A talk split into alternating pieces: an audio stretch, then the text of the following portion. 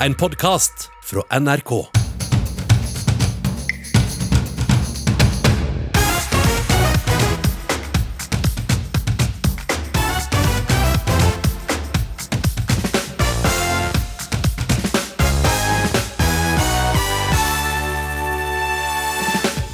Verdenscupen er i gang. Til uka blir det håndball-EM. Men vent litt, var vi ikke midt i en pandemi? Idretten må ta en pause, sier tidligere ishockeypresident. Smitten på sykehjem stiger flere steder i landet. Det verste jeg har stått i, sier leder som mista 18 beboere til korona. Og for artisten Jenny Jensen starter jula så tidlig som mulig. Når hun kom hjem fra barnehagen og var tre-fire år, og hun sa det at mamma og de andre syns det er veldig rart at vi er ferdigbegynt til jul, og det var september, da skjønte jeg at eh, kanskje jeg måtte drøye det litt. Ja, det er lørdag, og du hører på Ukeslutt i P1 og P2. Jeg heter Gry Veiby. Og i denne sendinga skal du også få møte Eva på 73, som fikk sjokk da hun måtte vise legg for å kjøpe øl. Og Da sto det en veldig søt ung dame der og sa det at hun måtte ha legitimasjon.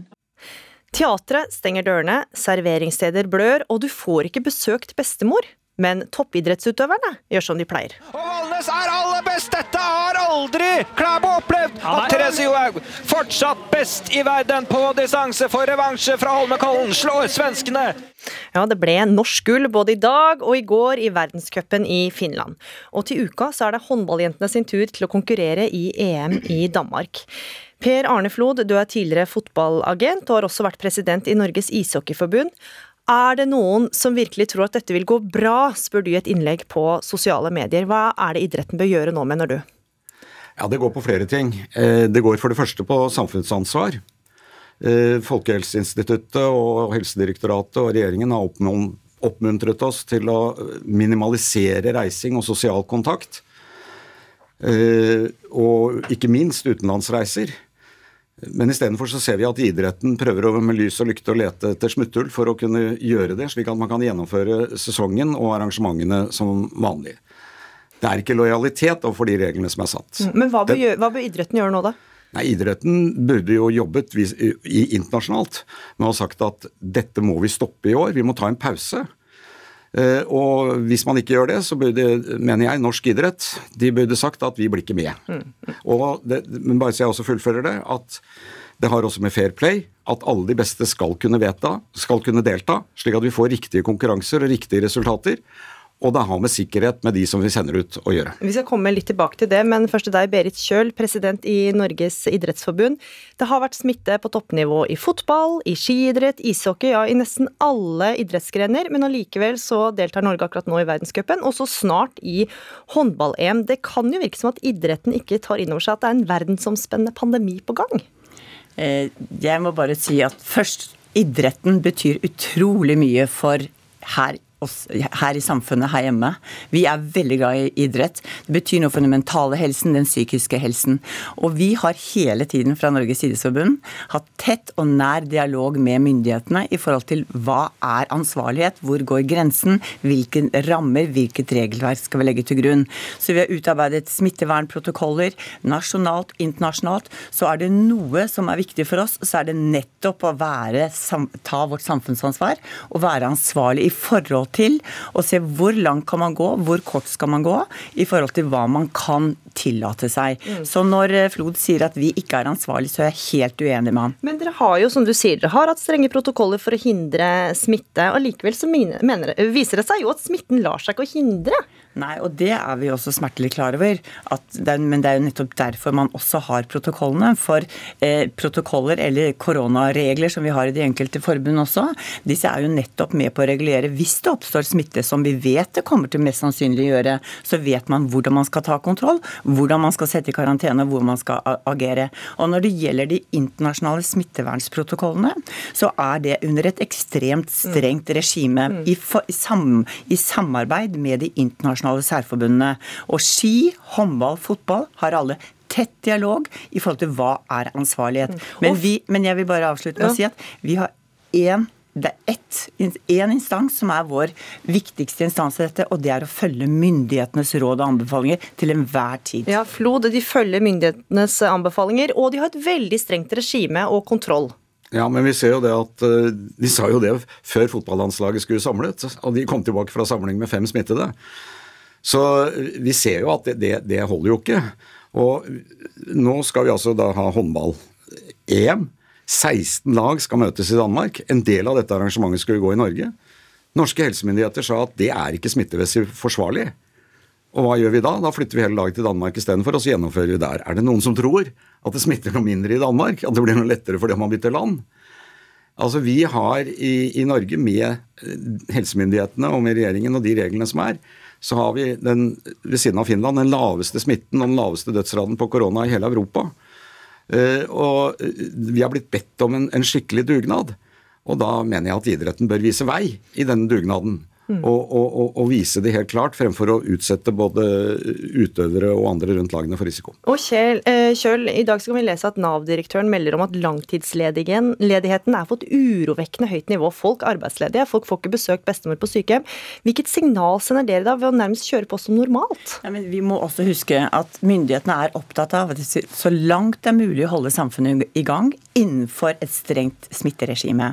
Idretten følger det til punkt og prikke så langt vi kan kan. Vi, vi, vi, vet, vi, vet, at smitten kan komme. Mm. Og man kunne valgt ytterkant og stengt alt ned, eller ytterkant og hatt alt åpent eller alt i full aktivitet. Vi har lagt oss på et midt, midt på. Vi har, vi har kansellert, utsatt en rekke rekke nasjonale og internasjonale arrangement. Og jeg må bare si, Når jeg ser hvordan Håndballforbundet og Skiforbundet, og nå også Fotballforbundet, jobber seriøst med være delaktige internasjonale smittegrupper, eh, kontinuerlig dialog for å sikre at smitten er best mulig ivaretatt når man deltar i internasjonale arrangement ute. Så jeg er uenig i at vi ikke er ansvarlige. Det er nettopp den ansvarlige linjen som jeg er skikkelig stolt av at norsk idrett tar så seriøst og jobber så godt langs. Men ville ikke det sikreste da å bare avlyst alt? F.eks. i dag så hørte vi at skiløper Heidi Weng trekker seg fordi hun sier at hun ikke har noe glede av å gå på skirenn.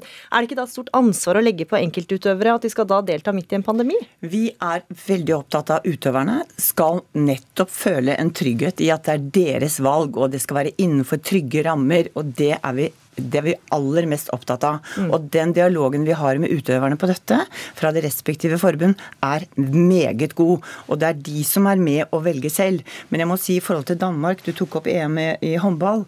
Jeg vil bare si at der har det jo vært en veldig, og er en særdeles god dialog med det internasjonale håndballforbundet, det nasjonale håndballforbundet og ikke minst danske myndigheter. Men den vi forholder oss til her hjemme, mm. det er våre norske myndigheter. Det er helseminister, det er kulturminister, helsedirektør Helsedirektoratet og Folkehelseinstituttet. Og Flod, som vi også har om, så er det jo mange som gleder seg og ser fram til dette og ønsker seg bare en liten flik av normalitet i en helt ekstraordinær situasjon? Ja, det gjør vi jo. Det gjør jeg jo, det. Det er, altså, det er klart det er mange som gjør det. Men vi har en ekstraordinær situasjon, og vi har en, en, en eh, pandemi som er uh, veldig farlig og, og, og, veldig omfattende. Det er en helt ekstraordinær situasjon. Og jeg får jo si at Det er ikke så veldig mange år siden vi hadde ski-VM hvert fjerde år og OL hvert fjerde år og mellomsesonger imellom hvor det ikke var noe særlig, og ikke noe World Cup og ikke var internasjonale arrangementer. og Vi levde ganske greit da også. Så jeg mener når vi ser i, i, hvor ekstraordinært dette er, så hadde vi tålt noen, noen måneders pause. Mm, men da går, går vi jo glipp av alle renn, da. For eh, idretten fortsetter jo internasjonalt. Så ville Norge bare tatt et skritt tilbake og meldt seg ut. I verste fall fikk vi gjøre det. Men eh, det som er, er jo at vi snakker jo også om et, et fair play-konsept her, ikke minst. At alle de beste utøverne skal kunne være med. Og, og, og, føle trygghet og kunne gjøre sitt ytterste. Nå nevnte du Heidi Weng, som reiser hjem fordi hun uh, føler at det får hun ikke gjort. Og Det finnes jo, det er bare ett eksempel. Det finnes jo mange eksempler på det andre. Og hvor stor er ikke risikoen for at vi f.eks. under håndball-EM i Danmark får avlyste kamper, lag i karantene? De som ikke kan yte noen ting, og så blir hele resultatet fastsatt på styrerommet i ettertid ut ifra et firkantet regelverk som mm. ble fastsatt lenge før noen tenkte på en pandemi. Det er ikke den type konkurranse vi vil ha. Vi opplever at internasjonal idrett, nasjonal idrett, er veldig bestreber å være løsningsorienterte ut ifra et fair play-perspektiv også, og hensynta myndighetenes råd og Jo, regler men til det har enhver du tid. sagt, men når det gjelder Fair Play, så har vi jo et eksempel her i, eh, i Ruka, der både Island og Norges trenere testa positivt, men Norge fikk raskere svar på sin koronatest og kunne starte tidligere enn eh, Island. Viser, altså, setter man ikke da til side hele den der Fair Play når du faktisk venter på en test, så kan du ikke overprøve den. Dette er jeg helt sikker på diskuteres og finnes de aller beste løsninger på i de respektive konkurranser og i sammen med de internasjonale særforbund med, fra vårt ståsted. Så jeg er så trygg som jeg kan få vært i en veldig krevende situasjon. Ja, det kommer til å oppstå smitte, men vi har de beste forutsetninger for å ta kontroll på smitten ut ifra de strenge protokollene som er, og det regimet som er. Og vi må ikke glemme at i en situasjon vi er, så må folk også ha noe å glede seg over. Det tenker jeg også er en dimensjon som jeg også vet at myndighetene er opptatt av. Du sitter bare og flirer, eh, Per Arne. Nei, jeg, jeg gjør ikke det. Jeg smiler litt. Ja. Ja. Nei, jeg hører jo på det, for at dette er jo argumenter man har hørt før. Og jeg må jo si det at uh, dette med at man er trygg på at man foretar de aller beste tiltak også, så altså Det hjelper jo ikke det. Når en eller annen er smittet, så er han smittet. Ja. Og lenger enn dette kommer vi ikke. Vi får se hvordan det går. Per Arne Flod, eh, tidligere fotballagent og tidligere president i Norges ishockeyforbund, og Berit Kjøl, president i Norges idrettsforbund, takk for at dere var med i Ukeslutt. Tusen takk. Vi får heie på gull til Norge igjen, tenker jeg. Det må vi. I morgen er det første advent, men mange har starta julepyntinga litt ekstra tidlig i år.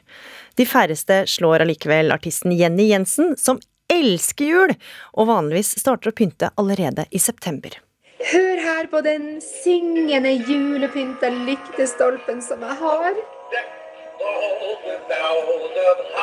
Å, den er så vidunderlig. Hjemme hos artisten Jenny Jensen er juletreet ferdigpynta, de røde julegardinene henger oppe, og den første ladningen med pepperkaker er allerede spist opp. Det er veldig, veldig, veldig god. Ja, hadde det vært opp til Jenny Jensen, så hadde hun begynt å pynte til jul allerede i september, men etter en prat med dattera, så holder hun litt igjen. Men så ble jeg jo mamma for 14 år siden, og når hun kom hjem fra barnehagen og var tre-fire år, og hun sa det at mamma, de andre syns det er veldig rart at vi er ferdigpynta til jul, og det var september. Da skjønte jeg at eh, kanskje jeg måtte drøye det litt. Så nå har vi en sånn avtale med at halloween må være over.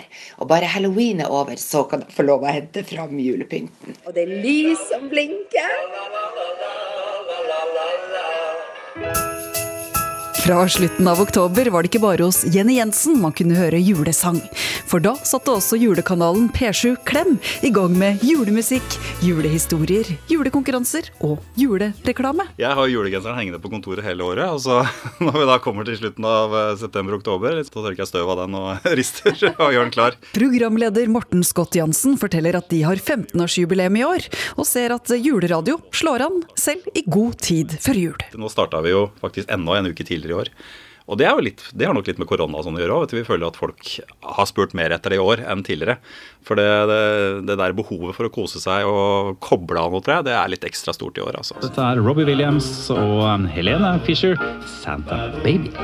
Pepperkaker og buljong får han i riktig julestemning, selv om noen av kollegaene kanskje stusser litt når han nynner på julesanger i ukevis før jul. Så blir vi mobba litt av kollegaene utafor her når vi går nå og synger på Helga natt i gangene. Så bare Ikke nå, det er for tidlig! ikke sant? Men eh, ja, ja. Du får tåle det, som jeg sier. Og det som starta som jingeren, eller signaturlyden til julekanalen P7 Klem, ble rett og slett så populær at de lagde en egen julesang av den.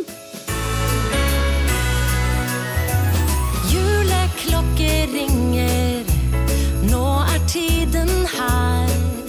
Som igjen andre, som Ullevål skole i Oslo, omfavna og lagde sin versjon av.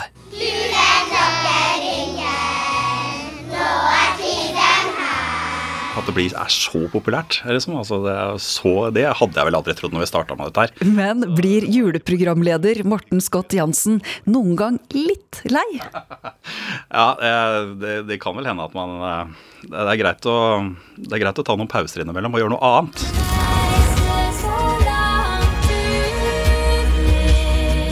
Vi har liksom hatt jul hele året. To av skuespillerne i NRKs nye julekalender Stjernestøv, Edvard Ross og Camilla San Miguel Bjørneng, har levd lenge i et juleunivers. I starten i hvert fall, når det var liksom sånn august-september, og det skulle liksom være jul, og det var liksom badeveier ute. Da var det liksom litt rart. Hva gjorde dere for å komme i julestemning da?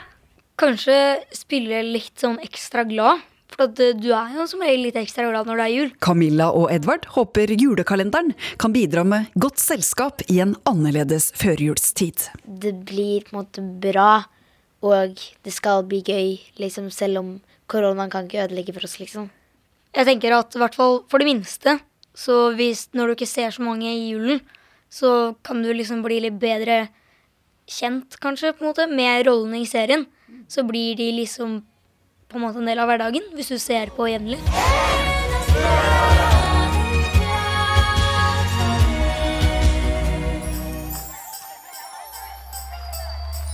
God jul med NRK Super. Eh, og vår pause fra, fra koronaverden er jo at mellom all den fine julemusikken, så hører vi barn som tuller Kjeks og gulrot.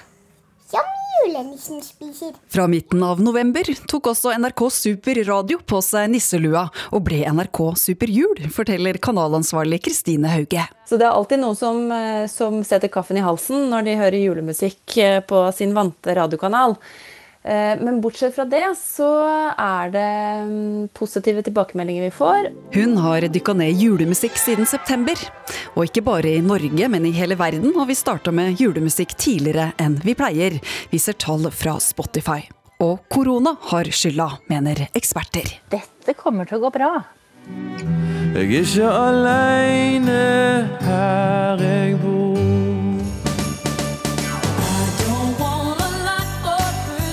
Ja, All I Want for Christmas med Mariah Carey har utmerka seg. Men det virker som Kristine Hauge er eh, forsynt. Er du litt lei av den? litt lei av den, kanskje. Litt lei. Ja, Hun starter tidlig med jula, og er kanskje også tidligst ferdig med jula. Når julaften kommer, så elsker jeg jo det selvfølgelig, men når, eh, når julen, romjulen, for alvor er her, da er jo jeg ganske ferdig med jula. Og den gjør meg alltid i så godt humør. Jeg har jo naboer som stikker hodet gjennom eh, tujahekken og lurer på om han er sprø. For artist Jenny Jensen blir aldri lei av jula, og synger gjerne på julesanger i juli. Men så skal hun jo også gjerne varme opp til årets julekonsert. Og da, ja. Da blir det litt ekstra mye jul litt ekstra tidlig, men det er herlig, herlig, herlig. Og i år opplever hun at det er flere som tenker som henne. At det er herlig med litt tidlig jul. Så jeg anbefaler dere alle sammen å bake mange ladninger med pepperkaker. Mm -mm. Hei hå, vet du, Og reporter i denne saken, det var Line Forsmo. Og så er det da vi er et år hvor man ikke kan møte store grupper på torget for å se at julegrana har blitt tent, så blir det nasjonal julelystenning på NRK1 i morgen klokka fem. Du hører på Ukeslutt. Fortsett med det. Snart skal du få høre at eh, koronatid og hjemmekontor skaper helt nye utfordringer. Nevropsykolog mener vi overvurderer trua på å gjøre flere ting samtidig. Og programleder eh, Noman Mobashir, du har en oppfordring i disse spesielle tidene. Slutt å skylde på hverandre. Alle må ha en plan B for jula. Det var budskapet fra helseminister Bent Høie denne uka. For smitten i samfunnet er fortsatt høy, og da er det lett å lete etter eh, syndebukker. Noman Mobashir, du er journalist her i NRK, og dette skriver du om i en kronikk i VG, eh, hvor du forteller at du gikk tur med hunden din. Hva var det som skjedde? Jeg var ute på tur med hunden min, og da møter jeg alltid på andre hundeeiere. Og vi tar alltid, slår av en hyggelig prat. Eh, Og så møter jeg en dame da i nabolaget som jeg ofte møter, og vi snakker jo ofte om pandemien, men så plutselig så sier hun hvorfor må dere pakistanere eh, feire bryllup midt i pandemien? Det er jo helt høl i huet. Eh, og så la jeg merke til at jeg ble litt satt ut, fordi hun pleier jo aldri å ha den tonen med meg. Eh, Samtidig så tenkte jeg du har jo rett, men det var liksom måten hun sa det på, det var tonefallet. Eh, Og det derre Hvorfor må dere alle dere pakistanere, som om jeg eh, feiret eh, bryllup? Så, så, så det er måten vi snakker til hverandre på som ja, provoserer meg litt, da. Ja, for smitten er høy, og og så får jo da innvandrergrupper, noen innvandrergrupper skylda for det. Hvordan føltes det å bli ansvarliggjort? Det er jo ikke noe hyggelig. Um, men samtidig, ikke sant, jeg, jeg tenker at jeg er en privilegert mann. Jeg bor der jeg bor, på Oslo vest, og opplever veldig lite den type eh, kritikk eller hets eller eh, stygge blikk eh, på buss eller trikk eller ute på, i det offentlige rom. Men jeg kjenner jo mange som gjør det. Og det å bli ansvarlig for en hel gruppe, det er ikke noe hyggelig. fordi jeg er ikke ansvarlig for hva alle norskpakistanere, de 45 000 som bor her, gjør. Samtidig, ja, vi, dette er en felles dugnad, vi må gjøre alt vi kan for å holde smitten nede. Denne gangen så er det da mange med norskpakistansk bakgrunn eller innvandrerbakgrunn som sliter, som er smittet, som ligger på sykehus og som dør. Eh, Samtidig så må vi ikke glemme at det har vært andre grupper i samfunnet vårt som tidligere har ført til at smitten har spredt seg. F.eks. ungdomsfester, Mm. studentfester, harryhandel, eh, påsketurer, sommerferieturer til Spania osv. Så, videre. så, vi- så jeg tenker at vi må ikke konkurrere her. Vi må stå sammen. Vi må ikke baksnakke, vi må fremsnakke. Og vi må gjøre alt vi kan for å kjempe mot denne pandemien. Mm. Karianne Fedøy Magnussen, du er leder ved Metodisthjemmet i Bergen. Um, Hvilke tanker gjør du deg når du hører at eh, Noman Mobashir blir klandra for smitteutbrudd? Mm. Ja, altså jeg syns jo Noman peker på noe veldig flott eh, i det han sier og skriver. Dette med, med eh, at vi ikke skal rette skyld mot hverandre. Sant? Altså det er noe med at det er lite fruktbart ofte å snakke om skyld. Eh, Det skaper litt dårlig klima for å gjerne snakke om det som er viktigere. Gjerne forbedringer og, og læringspunkt. Mm. Fordi nå har Norge høyere andel sykehjemsdødsfall enn Sverige. Det kan vi lese i Aftenposten i dag. Vi skulle altså beskytte de eldre, men smitten har kommet dit også. Og denne uka så kom det fram at et sykehjem på, Eidsvoll har hatt et stort eh, smitteutbrudd. Og Karianne Fedøy Magnussen, tidligere i år så sto dere midt i marerittet. 18 beboere døde av covid-19. Når var det det gikk opp for deg at dere hadde fått smitte innenfor dørene? Ja, Det var jo tidlig i april i år at eh, vi fikk eh, melding om en ansatt som hadde eh, vært smittet, eller blitt smittet. Og så gikk det jo sakte, men sikkert, eller det gikk jo ganske Altså I ukene som fulgte, så ble det daglig liksom nye smittede, både beboere og ansatte. Så vi ble ganske tidlig eh, klar over at dette kunne dreie seg om et stort utbrudd. Eh, og så iverksatte vi tiltak som om utbruddet var stort, men vi håpte jo selvfølgelig i det lengste at dette var snakk om mer isolerte tilfeller. Mm. Du sier jo også at dette er det verste du har stått i som menneske. Mm, mm, helt klart. Eh, Det har jo vært en, en, eh, en utrolig utmattende og krevende situasjon, både for meg, men også for alle de eh, som var, blir berørt av, eh, av utbruddet på Metodisthjemmet. Sant? Nå tenker jeg på både beboere og pårørende, og ikke minst de ansatte som har, har eh, gjort en helt formidabel innsats. Mm. For nå snakker vi jo om det der med å skylde på hverandre. Vi skal høre fra en pressekonferanse denne uka hvor Erna Solberg snakka om dere. På Metodisthjemmet i Bergen eh, som, så var det veldig mange som mente at det var gjort feil. Så kom Helsetilsynet og sa at de hadde fulgt de smittereglene som var på det tidspunktet. Mm. Har dere noen gang blitt opplevd å bli klandra for det som skjedde? Eh, Det har vi nok. Det har vi nok. Eh, Vi så jo på en måte et eh, Og det er litt dette klimaet jeg snakker om, sant? Som med, med media særlig, eh, der man er veldig opptatt av å plassere skyld. Og så tenker jeg jo at det er viktig, sånn som på en måte Erna Solberg også påpeker her, at media må kjenne på det ansvaret de har for å kanskje unngå å skape syndebukker.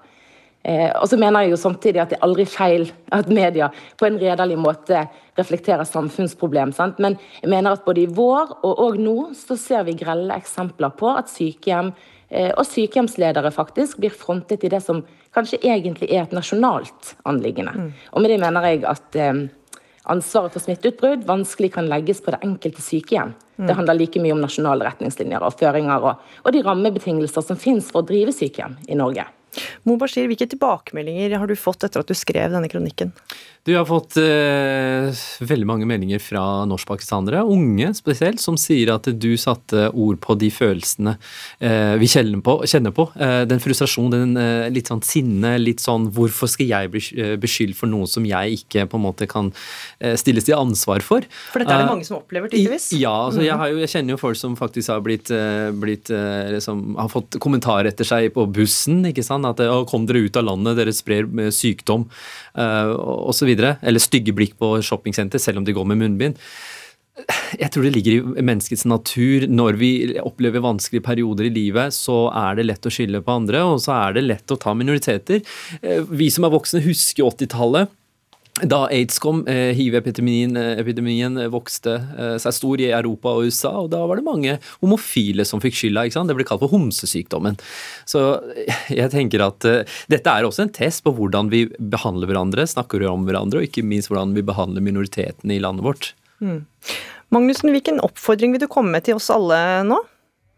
Jeg tenker at vi skal fortsette. Vi skal snakke med respekt eh, til hverandre og om hverandre. Eh, Og ha respekt for, for eh, eh, det at folk flink, Veldig mange er veldig flinke til å holde smittevernreglene. Og så har vi en hel mengde helsearbeidere som står i sitt livs kamp for øyeblikket. Og jeg tenker at man skal, ha, man skal snakke om, med respekt om de mange helsearbeidere som gjør en formidabel innsats for tiden. Mm. Mubashir, du skriver jo også i denne kronikken din at retter vi pekefingeren mot noen, så har vi tre pekefingre mot oss selv. Ja. Det er jo slik at ingen av oss er perfekte. Ingen eh, klarer alltid å holde avstand. Det er ikke, kanskje, ja, kanskje jeg heller ikke burde ha vært på den kafeen forgårs. Så det er noe med å hele tida på en måte gå inn i seg selv og spørre seg selv gjør jeg, eh, gjør jeg en bra nok jobb. Eh, og så vil jeg gjerne påpeke en annen ting. I helsevesenet så er det mange med innvandrerbakgrunn som jobber. Min far er radiograf, 72 år, jobber fortsatt. Eh, og så er det veldig mange hjemmehjelpere og hjemmesykepleiere som også har utenlandsk bakgrunn. Og det vi må passe oss for nå, for det har jeg også sett litt på nettet, eh, at eh, man begynner å klandre hjemmehjelperne og hjemmesykepleierne for å spre smitte blant eldre norske eh, eh, Altså eldre nordmenn, da. Eh, og det, da syns jeg vi virkelig begynner å liksom tråkke i eh, grumset. Mm. Vi må huske at vi alle er i samme båt, og det er Det er jo en det, og alle må gjøre sitt beste. Alle må sitt Selvfølgelig. beste, Man må mm. holde seg unna fester og bryllup og alt det der, Mm. men det er måten man sier det på. En god oppfordring der på en lørdag. Noman Mobashir, journalist her i NRK, og Karianne Fedøy Magnussen, leder ved Metodisthjemmet i Bergen. Takk for at dere var med i Ukeslutt. Trodde du hadde ungdom, var et evig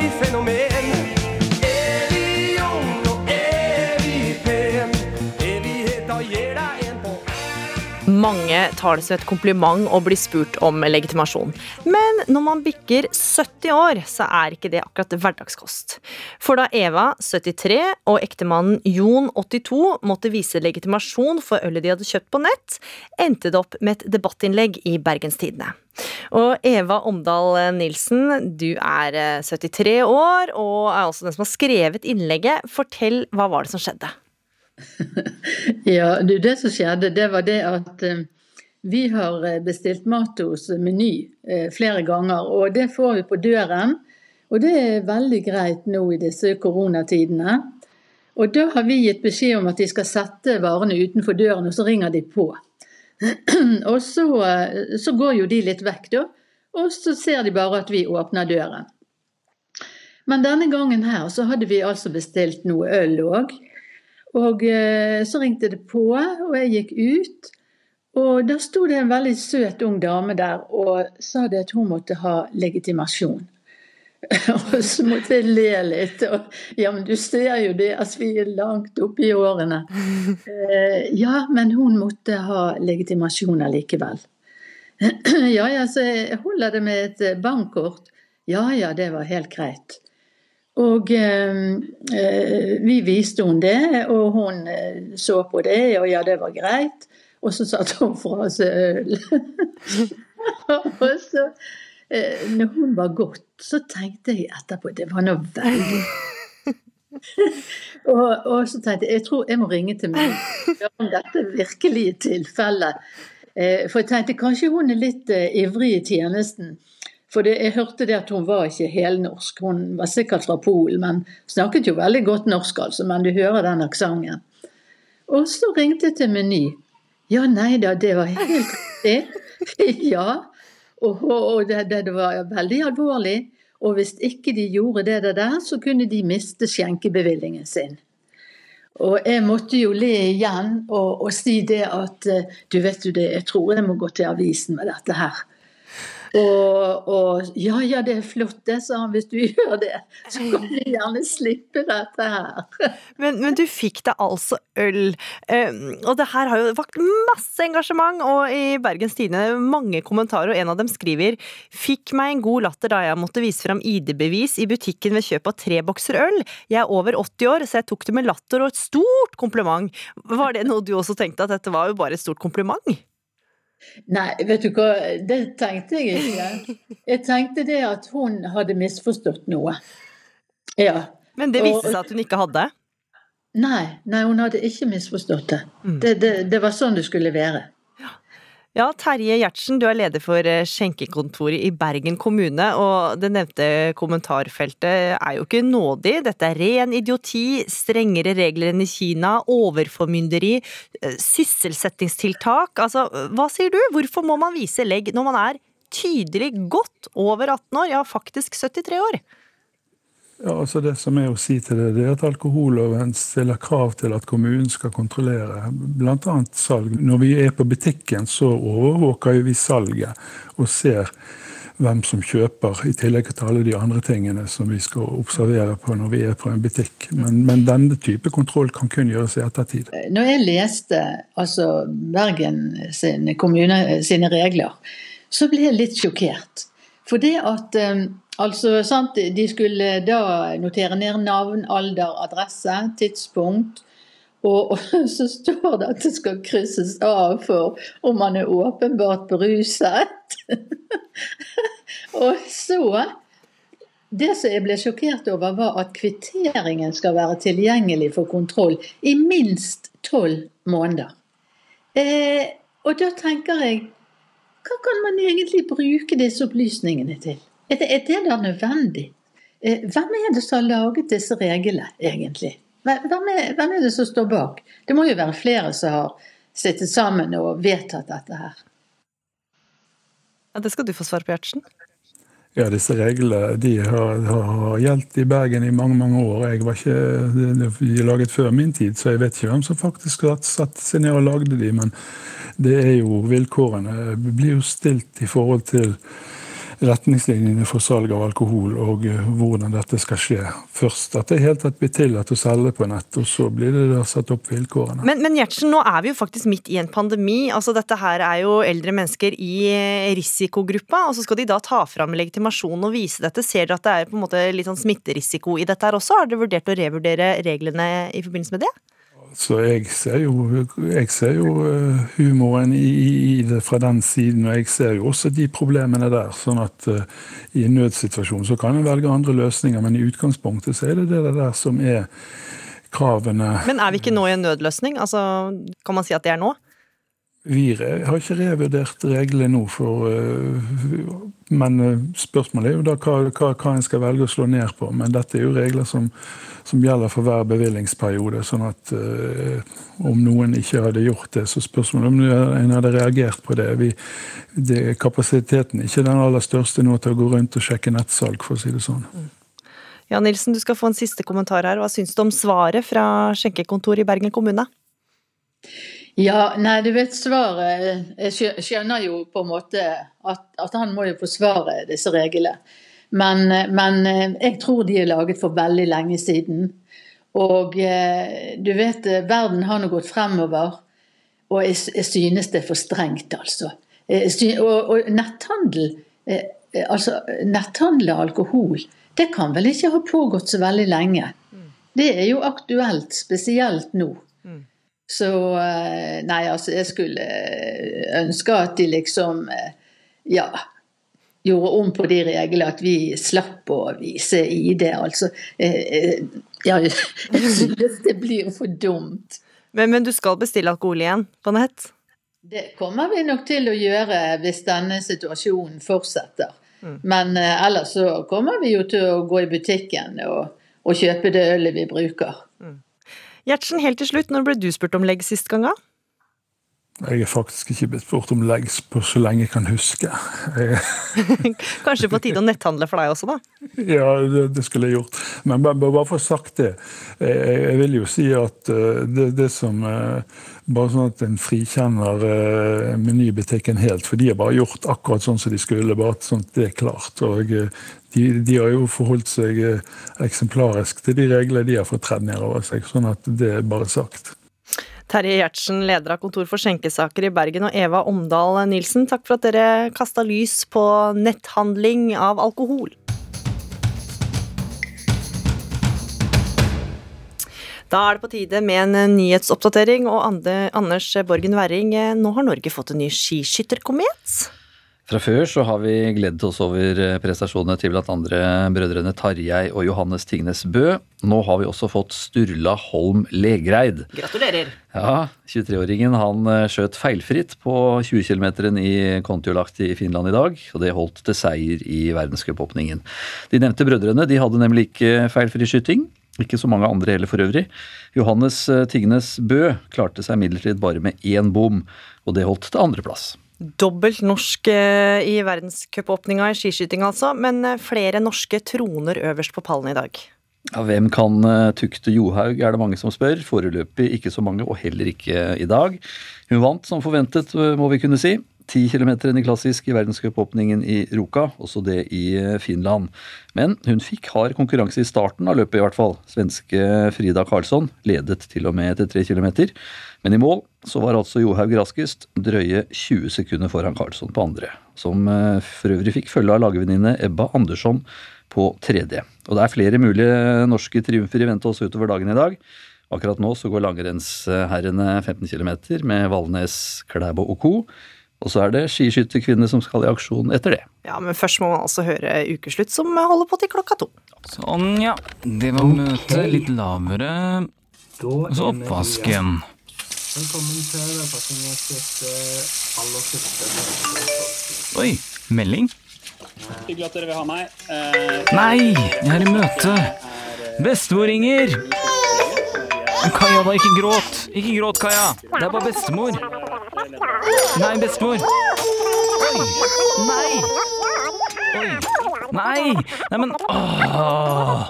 Hjemmekontor. Det kunne vært tatt virke, fra virkeligheten, men dette er altså reporter Philip av Johannesborgs lille dramatisering. For det å ha hjemmekontor kan by på utfordringer for de av oss som lett lar seg distrahere. Men for andre så er det en gyllen mulighet til å makse ut alt man har av effektiviseringspotensial. Og en av dem, det er deg, det er Eivind Tredal. Du er eh, politiker for Miljøpartiet De Grønne. Du er representant i Oslo bystyre. Også kjent som en aktiv samfunnsdebattant. Eh, hvor mange aktiviteter har du klart å gjøre på én og samme tid? Jeg, jeg, jeg, tror det vanlige i uh, min generasjon og yngre er jo at man ønsker å liksom maksimere inputen. Så da blir det jo sånn at du kanskje følger litt med på uh, TV eller en eller annen ting som står på der, eller radio, og så har du kanskje Du sitter og spiller litt mobilen eller på dataen, og så Kanskje du har et eller annet prosjekt gående tilbake litt i ovnen. eller noe sånt, så det, det, det, kan jo stacke opp ganske mange oppå hverandre da, når du begynner å legge det sammen. Ja. Men skjer det noen gang at du bare ligger på sofaen og bare gjør det? Nei. Eh, jeg husker jeg fikk det passet påskrevet en gang eh, av en, en, en samboer. At jeg har aldri sett deg sitte og bare se ut av vinduet. Altså, for, forklarte jeg, Det er jo veldig kjedelig. Jeg forstår ikke hva du mener. Men det var, det var for så vidt et godt poeng. Ja. Mm. Du tok, eh, tok, det inn over deg jeg over meg, men fulgte ikke rådet? Nei, nei. nei. Jeg bare tok det til orientering. Ja. Jan Stubberød, du er nevropsykolog og førsteamanuensis ved Universitetet i Oslo. Og mange av oss, det er jo kjent det Tredal sier, det er mange av oss som gjør eh, mange forskjellige ting på en gang. Og spesielt i disse koronatider, hvor mange har hjemmekontor. Men hvor bra kan det egentlig gå? Godt spørsmål. Jeg tror de fleste av oss som jobber hjemme for tida nå, merker nok det. Multitasking er krevende. Det er sånn at Oppmerksomheten er jo en, en begrensa ressurs på et vis. Og Det Eivind beskriver her, er jo først og fremst en del oppgavene du beskriver, er en del overlærte, ganske sånn godt innlærte ferdigheter. Det kan da, man gjøre på en måte i søvne. Og da kan man gjøre flere ja. ting på en gang. Men det er klart i det øyeblikket du skal gjøre mer komplekse og vanskeligere oppgaver samtidig, eller rett etter hverandre, så er det eh, krevende, og det går utover produktiviteten. Mm.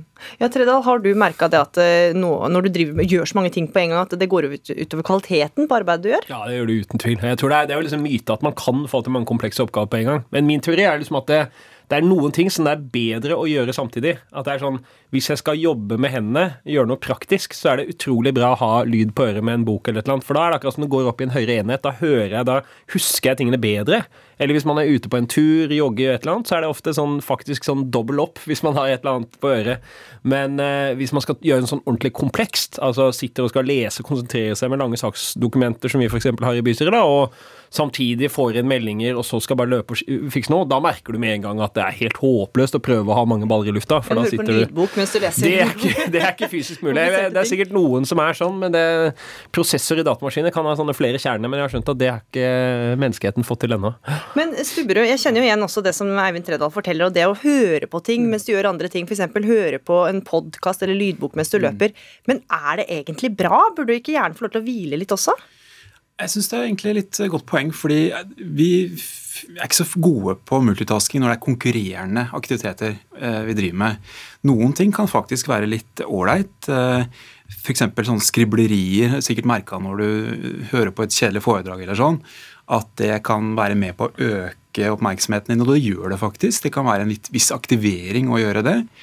Eh, I tillegg til at det kan være litt sånn eh, meditativt, sånn som du også beskriver, mm, det å høre mm. på noe i tillegg.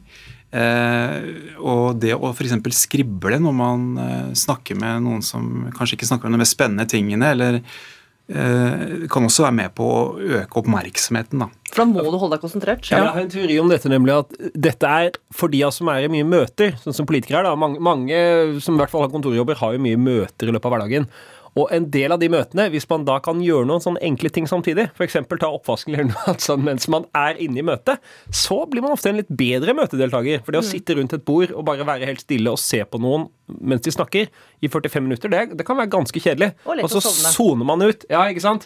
Så det, jeg, jeg tror faktisk at hjemmekontormøter ofte kan være litt bedre, fordi man på en eller annen måte ikke Man trenger ikke å sitte og late som man er fullstendig eh, oppslukt av det vedkommende sier, men man kan kanskje ja, stikke og rydde litt og, og få med seg det som blir Og så syns du jo ikke så godt, da, Stubberud, så dette, denne nye tilværelsen, og hvor det er mange som er hjemme og gjør forskjellige ting på en gang, eh, er det sånn at vi da Blir vi flinkere til å multitaske av det? Jeg tror ikke vi blir flinkere. Eh, Det kan hende at noen av oss blir bedre til å prioritere. fordi når vi jobber hjemme, så, setter det, så har vi litt andre krav. Eh, Det kan være fort gjort å blande korta. eh, Private forhold, arbeidsforhold.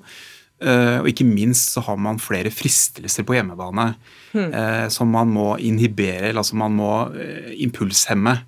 For eksempel da å sette på en vask, eller ja, spise eksempel fra sjokoladeskåla? Gå i kjøleskapet for Mm. n-te gang. Mm. Og sette på en vask, betale regninger. Altså det er mange ting. Vi har kanskje ikke vært så eh, vant til å ha så mange ulike krav. Uh, når du er på jobb, så er det veldig klart hva du skal gjøre. Det er lettere å prioritere. Så jeg tror kanskje vi har blitt bedre til å prioritere på noen måter. Mm. Kjenner du deg igjen til det? eller? Ja, litt. For mange og- vil jo si at du er en som alltid er multitasker, hvis man Ja. følger deg på sosiale medier f.eks. Ja, det er, det er veldig bra å gjøre ting for, eksempel, for min del. Hvis jeg skal sette meg ned og skrive en uh, hardtslående kronikk om hvorfor MDG har rett i vår politikk, så er det ofte lurt å slenge ut en twittermelding eller to og sånn, teste vannet. Og så Hvis alle sier det er det dummeste jeg har hørt, så, så justerer jeg det inngangen på den kronikken. Så, det, det er jo, For meg eller for noen er det jo nyttig å bruke sosiale medier, for andre er det kun en distraksjon. Eh, men jeg tenker også i forhold til det med hjemmekontor at jeg har jo hørt folk si før koronaen at i kveld blir jeg hjemme, for jeg må virkelig få konsentrert meg. Det er så hyggelig å være på jobb og prate med folk, og så tar vi lunsj, så, men da får jeg liksom ikke ordentlig dybdekonsentrasjon. Så i kveld Nå må jeg faktisk få jobba litt, så jeg blir hjemme i dag. ja. Og det er også interessant når du merker med noen kontorfellesskap, jeg er i hvert fall flere jeg har snakket med som kjenner seg igjen i det, at det, man savner jo alt det uformelle, hyggelige praten. Og at man må liksom sette av en sånn halvtime til sånn La oss bare oppdatere hverandre og ikke ha noe agenda for møtet. Liksom bare lite grann. Det har vi gjort på mitt kontor nå. Mm. På fredag så prater vi litt om åssen det går. Mm. Fordi man, man kan jo ikke bare jobbe på jobb heller. Man Mm. har jo et fellesskap og ja. Og det er jo viktig, det sosiale, eh, møtes. Ja, definitivt. Eh, Jeg tenker på en ting når du beskriver alle de, tu- altså alle de oppgavene du gjør, og det du driver med. Så er det sånn at jeg tror- jeg tror vi kanskje av og til undervurderer kostnaden ved å skifte oppgaver. Det å Én ting er når du, den tiden det faktisk tar å gjøre et mentalt skifte, men også det at når du begynner med en ny oppgave, så tar du også med deg andre ting fra det du dreiv på med. ikke sant? Mm. Så det tar tid å skifte. eh, Og jeg tror vi undervurderer den kostnaden der. Eh, Selv om vi kanskje føler oss veldig effektive, så er vi nok ikke det. Den kostnaden jeg har merka veldig, er sånn å bestemme seg for noe. Å velge. Og det må man jo veldig ofte i politikken. Det er sånn skal du gjøre det, skal du gjøre det, hvor mye skal vi gå inn for dette versus dette. Og så har vi også flytta det siste halvåret. og Vi har også flytta samtidig med mine svigerforeldre. Vi- Vi skal flytte inn i ett hus, så da har vi da måttet rydde ut av to hus og flytte og fikse opp et nytt hus. Og det er 1000 beslutninger. Åssen dørklinker skal du ha? Hva slags maling skal det ha her? Og så merker jeg, da, da man går helt sånn tom for beslutningsevne. Så når du til slutt kommer til dørklinkene Jeg aner ikke. Hva, ja, jeg, jeg klarer ikke, og nå har jeg tatt 20 valg i dag. Og det tror jeg er en stor utfordring for folk som skal multitaske. At du bestilte overfor så Du går, du går tom for den kognitive evnen til å vurdere og ta gode valg. Da. Og Stubberud, det er jo flere sånne valg nå, vil jeg tro, enn det var før. Er det sånn at vi kommer til å se forskjell på hjernen anno 2020 enn hjernen 1950? Vi har andre krav i dag, utvilsomt. Eh, Det er, det er høyere krav til eh, særlig tempo, ting skal gå raskere. Men jeg tror ikke vi har blitt så mye bedre på å multitaske. Eh, Men jeg tror kanskje vi i større grad undervurderer kostnadene av det. Og vi tror vi kanskje er bedre også. Ja, jeg tror det. Mm. Takk for at dere var med i Ukeslutt, Eivind Tredal og Jan Stubberud. Denne uka så gikk et ikon bort. Fue deseo de sobrevivir. Ja, Nydelig spill, det er trangt. Og Maradona kommer til avslutning, og han skårer! Maradona skårer! En fantastisk skåring av Maradona. 14 minutter helt til krysset. Og 2-0. Ja, dette må jo være verdens beste fotballspiller.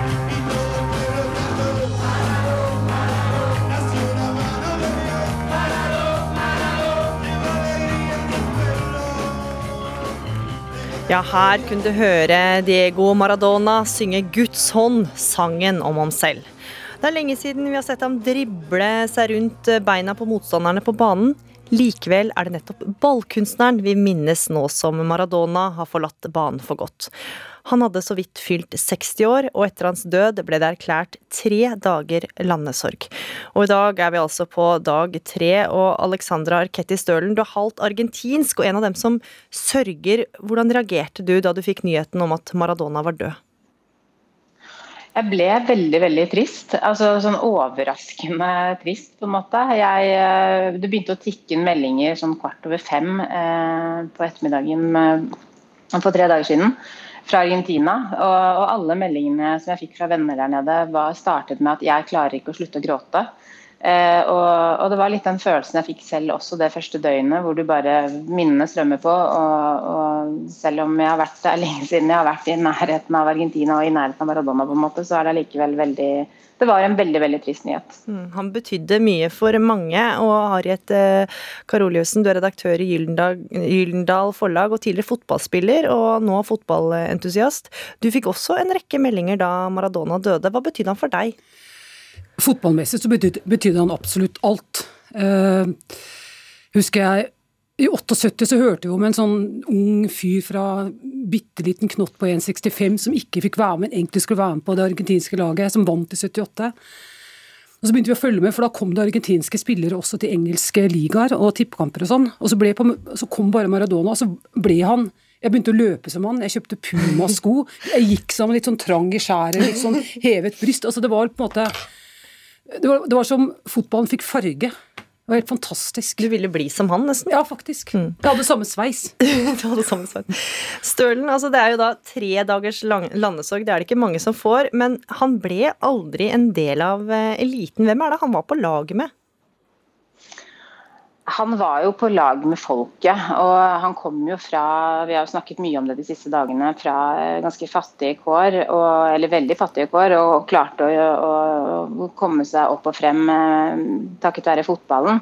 Men han var jo, har jo alltid vært eh, man kan si de fattiges mann, men han har jo selvfølgelig nå når man ser på den globale reaksjonen man har fått etter hans død, så har han jo vært alles Maradona. Men han, hans hjerte banket for for de eh, vanskeligstilte, for de eh, underdogsa, for eh, outcasten, altså for, eh, ja, for alle andre kanskje da, enn en akkurat eliten. Men han, han var jo også med eliten med presidenter, med rockestjerner. altså Han var jo alles Maradona, men hans, eh, hans eh, hjerte banket nok for de som ikke hadde det så lett. Mm, og så hadde han en helt eh, spesiell eh, spillestil. Rune Bratseth, en av de norske fotballspillerne som har spilt mot Maradona, sa at det han holdt på med, var noe helt annet på banen. Eh, Karoliussen, hva var det med spillestilen hans som var så spesiell? Jeg tenker at det, altså, han, altså, han danset. altså Han hadde en sånn rytme i kroppen når han spilte, når han, når han rykket, når han snudde seg på flis. Det var dårlig gressmatter også på den tiden. Det var helt fantastisk å se. Han var jo som sagt liten, altså av vekst, og litt sånn stutt, tjukk. Men, eh, og hvordan han, han kunne komme noen sklitakling mot ham. han Sånn elegant bare hoppet øh, forbi den sklitaklingen og landet på en sånn helt perfekt nydelig. Han danset bortover banen. og helt, helt rått. Og det er ingen Messi kanskje litt, men Maradona var helt eksepsjonell i dansingen sin. I rytmen. Rytmen var som å se på en dans. Han var et fotballikon og hadde veldig drag på damene, Stølen. Hvordan ser du på denne siden av han? Ja, altså jeg har jo ikke tenkt på han på den måten, for å være helt ærlig. Men han var jo en, en sånn machomann som, eh, som hadde veldig mange kvinnehistorier. Han har jo også veldig mange barn Mm. rundt omkring. eh, Og, og var, han levde livet til fulle. Var jo et eh, ganske sammensatt menneske. Men jeg personlig har aldri tenkt på han som et type sexsymbol. Liksom, for det var jo ikke det man egentlig dyrket i Maradona på den tiden. altså Sånn som du kan se nå med de fotballspillerne i dag. Sånn som Ronaldo og alle disse her, de perfekte kroppene med det perfekte kostholdet. ikke sant? Sånn var jo ikke han. Han var jo en, en, han var en rockestjerne, på en måte. En, en rocka fotballspiller som levde til fulle. Og da fulgte det også med groupies. Mm. Eh, så han var mer, mer som Kanskje mer som en sånn type Ja, som en rockestjerne. Enda mer enn en idrettsmann på en måte. Så det er klart at når du ser på hans ferdigheter, så med ball så var han jo eh, verdens beste fotballspiller, men han hadde den siden som, eh, som var veldig spesiell. Ja, Som vi ikke ser i dag i det hele tatt. Nei, for Han hadde jo en side utafor fotballbanen. Vi vet jo at han misbrukte kokain, og så, som du nevnte selv, så dukka det opp stadig nye unger. Men han var fortsatt veldig godt likt eh, over hele verden. Og Karoliussen, hvorfor tilgis han alt mulig? Jeg tror fordi at han var altså, et eller annet sånn underdogs, han var en outcast. Han var, han, han var ikke en del av massene. Han valgte Napoli i den beste ligaen. Napoli var et møkkalag. Sør-Italia var et møkkasted i Italia. Han gjorde på en måte valg som, ikke, altså, som, ikke, som var mot massene. Og så tenker jeg I den tiden, 80-tallet, da, hvor det var hvert fall jeg er litt sånn halvrevolusjonær. Vi likte ikke Thatcher, vi likte ikke Reagan. Og så, og så kom på en måte en som brøt med alt. Brøt med på en måte den konforme kapitalismen og var folkets mann. og og så klart at spilte den store ligaen, hadde en veldig impact på resten av verden pga. Ja, både hans enestående til fotballspill, men også som, som en som turte å bryte ut. da, Turte å være seg sjøl. Mm. Patos, gråt. Han gråt og hylte og øh, følelsesmenneske. Mm. Og alle disse litt mindre positive sidene, altså rockestjernesiden av Van Stølen, hvordan eh, blir det sett på blant argentinere i dag?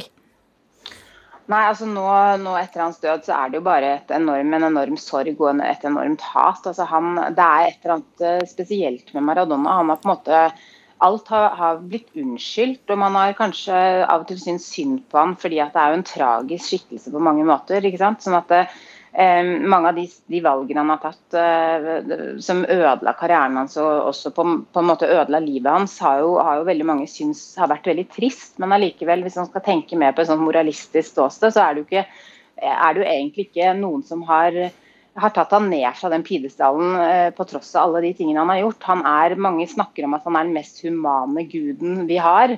Og, og det å være human innebærer jo også at man gjør feil. Og, og alle de feilene han har gjort, er, er helt OK. Han har, han har bidratt med så mye glede og stolthet og har vært et så viktig symbol for det argentinske folket at eh, jeg tror alt, alle andre ting på en måte er eh, helt uvesentlig i forhold til det han, han gjorde, særlig da i 1986 eh, eh, VM. da. Eh, rett etter diktaturet osv. Hvor, det var, eh, ja, hvor det var veldig veldig mye glede tilbake til folket på en eller annen måte. Han, eh, Hva var det ja. han gjorde da? Nei, altså det er klart at det, det, det vi har snakket veldig mye om, er jo denne skåringen, altså La Magna de Rios, altså Guds hånd.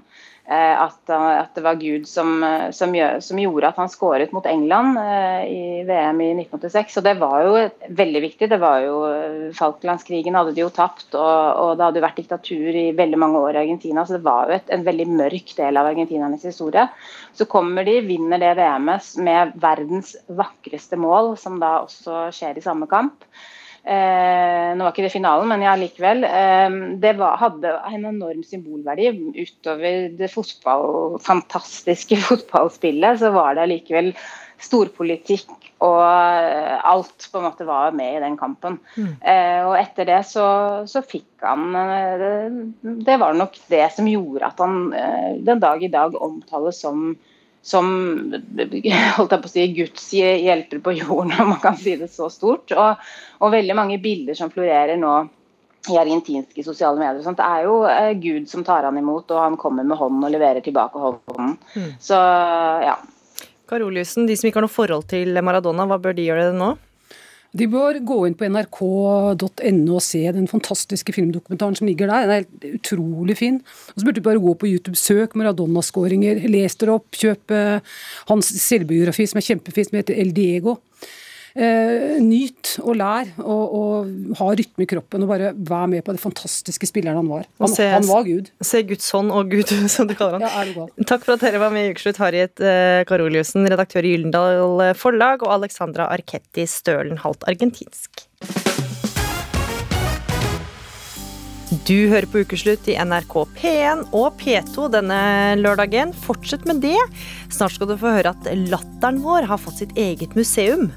Så det jeg ikke minst har fått, det er mange utrolige forskjellige rare lattere.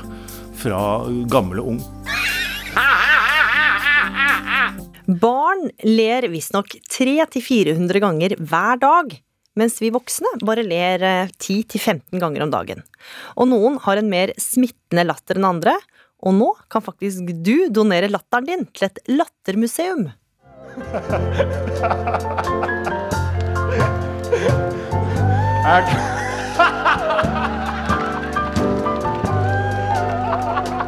Kjenner du hva som skjer når du hører denne latteren? Smilebåndene de trekkes opp, det begynner å boble i brystet, og det letner i hode og kropp før latteren triller ut hos deg også. Elvis Presley måtte bare gi seg over under denne framføringa.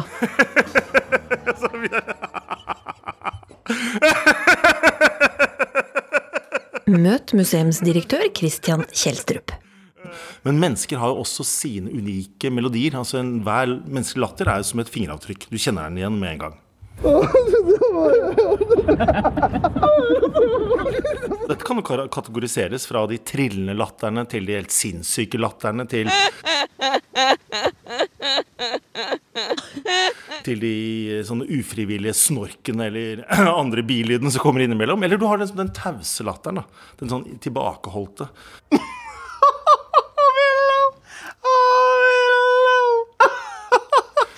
Uh, og så har jeg vel tenkt latteren, fortjener den et museum? Ja, hvorfor ikke? Så selv om dette også selvfølgelig bare er et tulleprosjekt, så, så, er det, hvis det har noe som helst alvor ved seg, så handler det vel om å forevige noe som, uh, som går tapt, da. Kjelstrup, som til vanlig er redaktør av Samtiden, har altså starta å samle inn latter til nettsida Latterarkivet. Og der kan du donere latteren din. Det viser seg jo, da, synes jeg, når jeg spør folk om eh, de kan donere latteren sin, som jeg kaller, kaller det, man kvier seg litt. Som om det å gi fra seg latteren er nesten å bli kledd naken. Hørte Senterpartiet hvor de lo i dag tidlig på nyhetssendinga. det hørte jeg. Forfatter Erna Osland har skrevet bok om latteren. He-he, ei bok om den livsviktige latteren. Og det er jo det fine med latteren. det er jo dette. Om du ikke forstår hva de andre sier, for de har et annet språk, så kan du le. Og vi forstår latteren til de andre, selv om vi ikke forstår språket. Altså, Hvis du kitler noen, så ler de. Og det vet vi om dyr òg. Altså, Rotter som blir kitla på magen, de ler. Hunder kan du få til å le sånn òg. Og mennesker kan du få til å le at du kitler dem. Jeg kan huske jeg hadde en onkel som var så fæl å kitle. Sånn. Bare vi så han gjorde sånn med fingrene, så, så lo vi. Men du kan ikke kitle deg sjøl. Så Så du må bli overraska.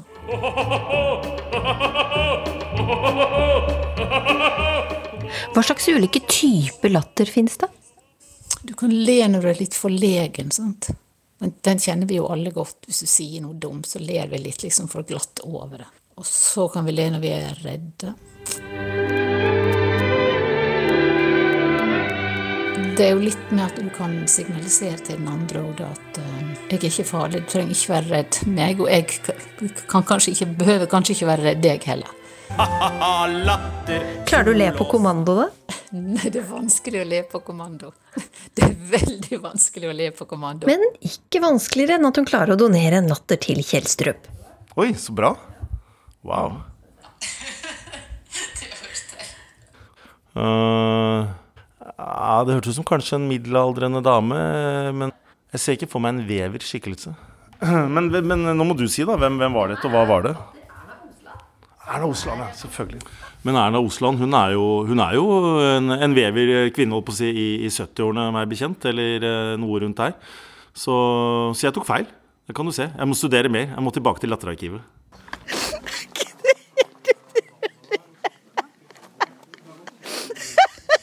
Du kan også bli en del av eh, Lattermuseet. Da er det bare å gå inn på latterarkivet.no og laste opp latteren din. Altså De som er med i dette lattermuseet, det er, det er vanlige folk. Så ja, jeg har noen favoritter der, eh, selv om det føles dårlig overfor de andre latterdonorene. Og, og, eh, og fremheve noen, så har jeg noen der inne, altså. Eh, som har bare gått rundt hele livet og ikke vært klar over at de er potensielle latterkjendiser. Det vil jeg hevde. Ja.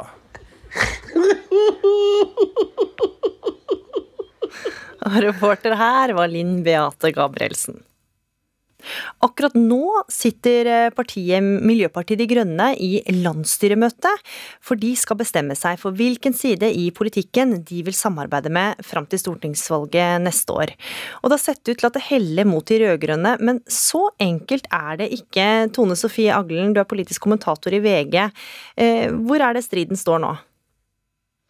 Nei, Det er vel ikke noe tvil om at uh, de heller mot uh, rød-grønn side. Jeg tror alle hadde blitt meget overraska om Miljøpartiet ville gi Erna Solberg uh, fire nye år. Men, men det har nok den siste vekka kommet opp en del motforestillinger mot det å peke på en statsministerkandidat før valget. Og det de diskuterer nå, er litt sånn ordlyd og og kanskje man må liksom forsikre seg om at MDG-støtte ikke skal tas for gitt. Mm, ja, hvilke motforestillinger er det som eh, kommer opp eh, i dette valget, hvem de skal peke på? Nei, Det handler nok først og fremst om det å gi fra seg et eh, viktig forhandlingskort eh, før valget. MDG har jo sagt at de vil stemme på den sida som eh, som har den beste klimapolitikken. Og det er litt rart å, å, peke ut det før de har begynt å forhandle. Og så er det nok en del som er litt bekymra for den blokkuavhengigheten som alltid har vært en del av partiets sjel. Eh, det, er liksom vanskelig å, å, hevde at de fortsatt er blokkuavhengige når de peker tydelig mot én eh, side. Så det har kommet en del advarsler mot det. Mm, for det også har man jo ofte tenkt på når man hører på Miljøpartiet De Grønne, at de har vært veldig nøye med å påpeke at vi tilhører ingen av sidene i politikken. Så dette veivalget, hvor viktig er det for partiet framover? Nei, Det er uh, viktig, og det er en grunn til at det her med hvem de skal samarbeide med, politiske veivalg, er kjempevanskelig for nesten alle partier. Vi husker jo alle hvordan KrF minutt for minutt uh, både reiv i stykker det partiet og satte liksom hele nasjonen på pinebenken. Så dramatisk er det selvfølgelig ikke i MDG, for jeg tror veldig mange opplever de som på venstresida politisk. Men det har ganske mange langsiktige konsekvenser, både med de samarbeider med, hva slags politikk de utformer, og ikke minst så, så, er det vanskelig for dem å starte med blanke ark om fire år, dersom de da plutselig igjen skal være blokkuavhengige på ordentlig. Mm. Og så er det jo ikke alle som vil leke med Miljøpartiet De Grønne. Både Støre og Vedum eh, har signalisert at de ikke vil ha noe med dem å gjøre. Hvorfor er det så viktig å påpeke? Det er nok fordi at de uh, har en klimapolitikk som er vanskelig å svelge for uh, flere av partiene. Selvfølgelig på høyresida, men også på venstresida. For Arbeiderpartiet, som er veldig opptatt av å ha fagbevegelsen, industrien med seg, så blir nok fortsatt MDG oppfatta som en uh, rød eller grønn klut, om vi kan kalle det det. Og så er det jo litt eh, rart, for MDG vil jo gjerne samarbeide med Arbeiderpartiet og SV. Men de vil helst ikke ha noe med Senterpartiet å gjøre. Men alle som kan å lese meningsmålinger, ser at det er Senterpartiet som virkelig er i vekst om dagen. Og det blir nok vanskelig for eh, MDG å peke mot venstresida uten å forholde seg til Senterpartiet. Så hvem skal de da samarbeide med?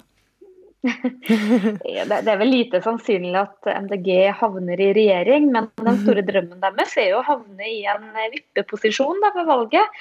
Og det at de kan få gjennomslag for mye politikk, at de kan uh, bli et slags støtteparti, det er vel det som er håpet deres nå. Jeg tror selv om det drar litt ut, det møtet deres, så blir jeg veldig overraska om de ikke peker på noe annet enn Arbeiderpartiet og SV. Mm. Og så er det også andre dramatiske grep som ble tatt denne uka, som du skriver om i VG. For 66-åringen Rasmus Hansson ble innstilt som stortingsrepresentant for Oslo Miljøpartiet De Grønne mot Hulda Holtvedt på 21 år. Hvor viktig var dette valget? Det var nok et, et, mye viktigere valg enn en hvilken som helst andreplass i en nominasjon. For i likhet med det her veivalget til MDG, så er det nok mange i partiet som har vært litt sånn bekymra for at partiet holder på å bli et litt sånn ungt, urbant miljøparti som gjør det best blant unge, velutdanna velgere i byen. Og særlig en del av de litt sånn eldre partiene har følt at det kanskje ikke er like mye plass for dem. Derfor så ble det her valget mellom Hulda Holtvedt, som er leder av Grønn Ungdom, og denne partiveteranen Rasmus Hansson. Det ble på en måte en litt sånn prøvestein på om partiet skal ha plass nok til, til flere forskjellige typer og alder. Og jeg tror mange ble ganske overraska over at Rasmus Hansson stakk av med andreplassen mm. og, og, klarte å slå ut en ung kvinne som helt åpenbart er et stort talent. Mm, ja, og Hva vil skje videre med Hulda Holtvedt nå, da? Nei, Hun satte jo hardt mot hardt og står jo ikke på stortingslista. Begge to sa at får jeg ikke andreplassen, så stiller jeg ikke i det hele tatt. Men hun er jo fortsatt leder av Grønn Ungdom og er nok en politiker som vi vil se mye til i årene framover, selv om hun ikke havner på Stortinget i neste periode. Mm. Og slik som det politiske landskapet er nå, hva slags regjeringskonstellasjoner kan vi vente oss ved neste valg? Ja, det er jo det vi alle er opptatt av. Nå sitter jo regjeringspartiene og forhandler med Frp, og vi vet jo ikke om statsbudsjett, da, og vi vet jo ikke hvordan det går. Men det er ganske uoversiktlig også på rød-grønn side. og for de, Omtrent samtlige partier der har noen partier de helst ikke vil ha med seg i, i samarbeidet. Så det er nok ganske mange sånn løse brikker, men at Arbeiderpartiet og Senterpartiet på en eller annen måte kommer til å finne sammen dersom det blir en rød-grønn valgseier. Det er det vel liten tvil om. Men så spørs det hvilke andre partier de får med seg i regjering eventuelt, og hvem de skal samarbeide med. Og her er det mye spennende mat for en politisk kommentator, hører jeg. Tone Sofie Aglen, takk for at du var med i Ukeslutt. Ukeslutt er over for denne gang. Ansvarlig for sendinga, Kari Li. Det tekniske ansvaret hadde Eli Kyrkjebø. Og her i studio var Gry Veiby, som ønsker deg en fin lørdag videre. Du har hørt en podkast fra NRK. Hør flere podkaster og din favorittkanal i appen NRK Radio.